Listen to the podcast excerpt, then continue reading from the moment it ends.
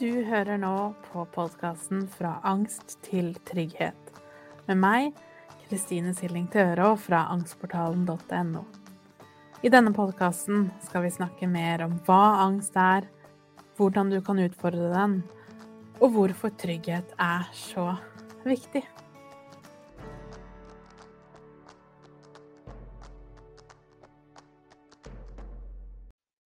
Hei og velkommen til episode 47, hvor jeg skal snakke litt om familie og angst. Og denne episoden er spesielt til deg som har et vanskelig, utfordrende eller anstrengt forhold til familien din. Og da er det en god grunn til at den kommer nå i romjula. Fordi det kan være at kanskje helga som var, skapte en del triggere for deg. Det kan også være at romjula er ekstra vanskelig.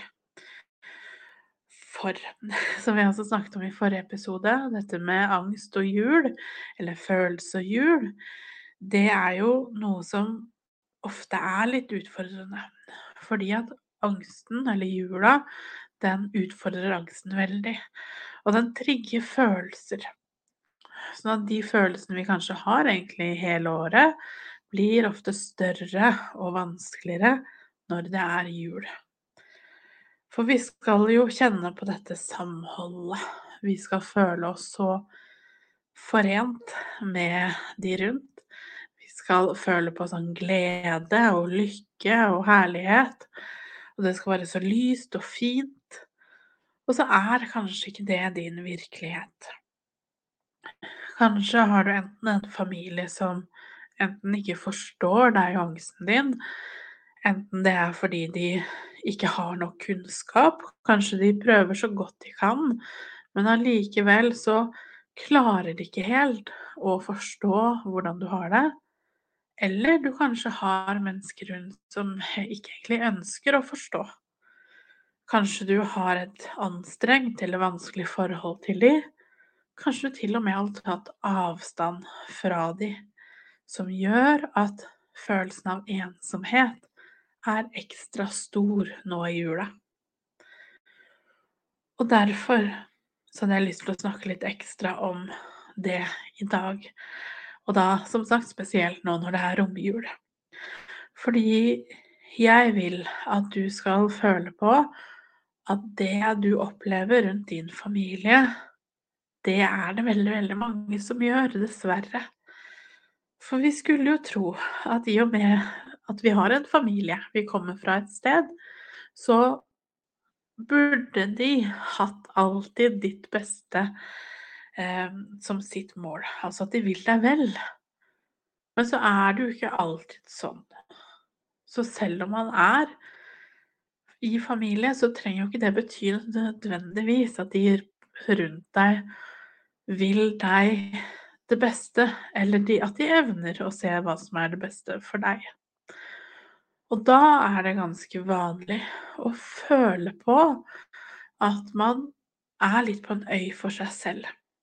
Selv om du kanskje har andre rundt, kanskje du har din egen familie, kanskje du har dine egne barn, og allikevel kjenne på den Eh, den grunnmuren som ikke er der lenger.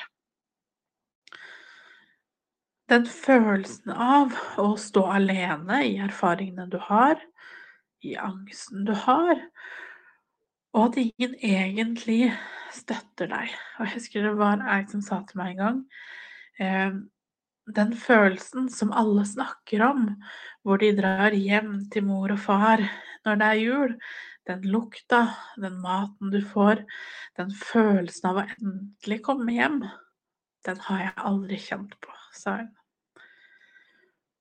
Og den følelsen, den vet jeg at kanskje du også kjenner på. Fordi det er så mange, og jeg tror mange flere enn de som egentlig snakker om det, kjenner på den følelsen. Og det gjør oss så sårbare for verden, for følelser, for angsten, for alt det som jula forstørrer i oss. For det kan hende du jobber så hardt for å skape en god jul, eh, og skape den berømte julemagien for kanskje dine egne barn eller de andre du måtte ha rundt deg, eller for deg selv. Men så er det en sånn tristhet i bunnen som du ikke helt klarer å riste av deg. Vit at det er ikke så rart. For den familien vi er født inn i, den er jo du på mange måter helt biologisk laget for å trenge. De skal være der. Og hvis jeg ikke har de her, så er det utrygt. Og det som jo da er veldig interessant, er selv i, familier hvor du kanskje emosjonelt eller fysisk ikke ble møtt eller tatt vare på på en så god måte som du skulle ha blitt tatt vare på, så er fortsatt det behovet der. Og det er utrolig hva barn kan gå igjennom, og samtidig være lojale for foreldrene sine. Så om det er store traumer eller haugevis av små traumer, så vit at hjernen din alltid vil søke etter den tryggheten, selv om det, den tryggheten eller den barndommen du hadde, kanskje også var ganske utrygg, så blir det allikevel vanlig for oss at vi vokste opp i kaos, kanskje, og, og da blir det din normal. Og da vil du føle på den bunnløsheten eller den følelsen av å kanskje ikke høre til så godt som du skulle ønske at du hørte til. Selv om du har kanskje din egen familie, eller du har ditt liv, kanskje du har mange rundt deg, så føler du allikevel at du ikke helt er som de allikevel. At du aldri helt passer inn. Og da er det ikke så rart at ensomheten, som sagt, og alle de, de, følelsene som kanskje står litt sånn i, mots, i, motsetning til hva jula egentlig skal handle om. At de blomstrer litt ekstra. Og hvis du da kjenner deg igjen i dette, så vil jeg først og fremst at du skal minne deg selv på at det er ikke så rart. Det er virkelig ikke rart, fordi du har ikke den grunnleggende tryggheten i livet ditt som dine foreldre eller omsorgspersoner skulle ha gitt deg. De skulle hatt en tilstedeværelse der. Det skulle ha vært en trygghet der. Du hadde så i de grader fortjent at den tryggheten hadde vært der. Så den sorgen du da føler på, og den tristheten som du kanskje ikke helt klarer å riste av deg fordi den alltid er der litt i bunn, spesielt i jula, det er ikke så rart. Og det kan være litt vanskelig å ta det inn over seg, fordi er det noe vi jobber veldig hardt for veldig ofte, er det jo å ikke føle på det vi føler på. Fordi kanskje har du mange positive ting i livet ditt, så kanskje du tenker at ja, men jeg burde jo klart å føle sånn og sånn. Jeg burde jo ha fått til å sette pris på kanskje barna mine, kanskje mann eller kone, eh, eller andre rundt deg. Men vite at det er ikke så rart, fordi den biologien er sterkere enn det meste. Så den betryggingen og den tillatelsen til å føle på det, tenker jeg er noe av det viktigste. Og derfor vil jeg også at du skal sette av litt tid i dagene framover til å virkelig få lov til å føle. At ikke vi hele tiden løper fra det ved å fokusere på andre ting. Det blir på en måte en sånn en veldig heseblesende affære. At vi hele tiden skal sjonglere alt vi skal. Vi skal lage mat, eh, vi skal pynte, vi skal rydde, vi skal Alle skal være glade og fornøyde. Så det blir hele tiden en slags maraton hvor det på ingen tidspunkt i det maratonet er tid for å stoppe opp og føle.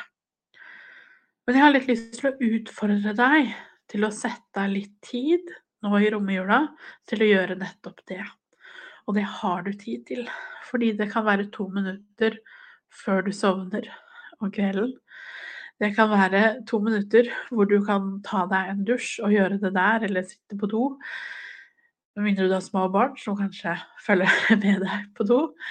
Men på en eller annen måte finne noen minutter for deg selv om det så bare er i bilen, til å føle på det du føler.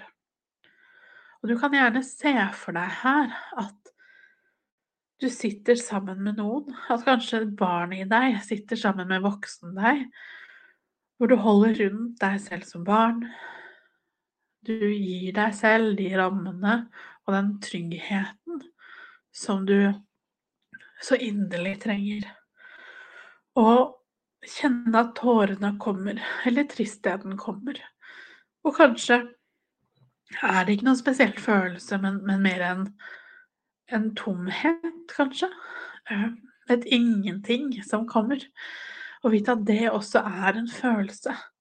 Det er en, en dekkfølelse. Den dekker over et eller annet annet. Og da må vi også tillate den. Så om du hver dag klarer å sette av litt tid til å tillate det du har inni deg, her kan du gjerne bruke musikk f.eks., det gjør jeg veldig ofte selv, og sette på noe musikk som jeg vet trigger den følelsen jeg vet jeg ikke helt får tak i, det kan gjøre at du rett og slett fortere kommer i kontakt med den kjernen. Og tillate å gi deg selv det du trenger i de følelsene du kjenner på. Og vit at hvis du er i denne situasjonen her, så er du ikke alene. Det er beintøft. Og det kommer til å bli lettere. Men akkurat nå er det ikke tiden for å begynne å kanskje jobbe aktivt med det, men heller å tillate følelsene. Og sånn sett er jo jula en fin tid.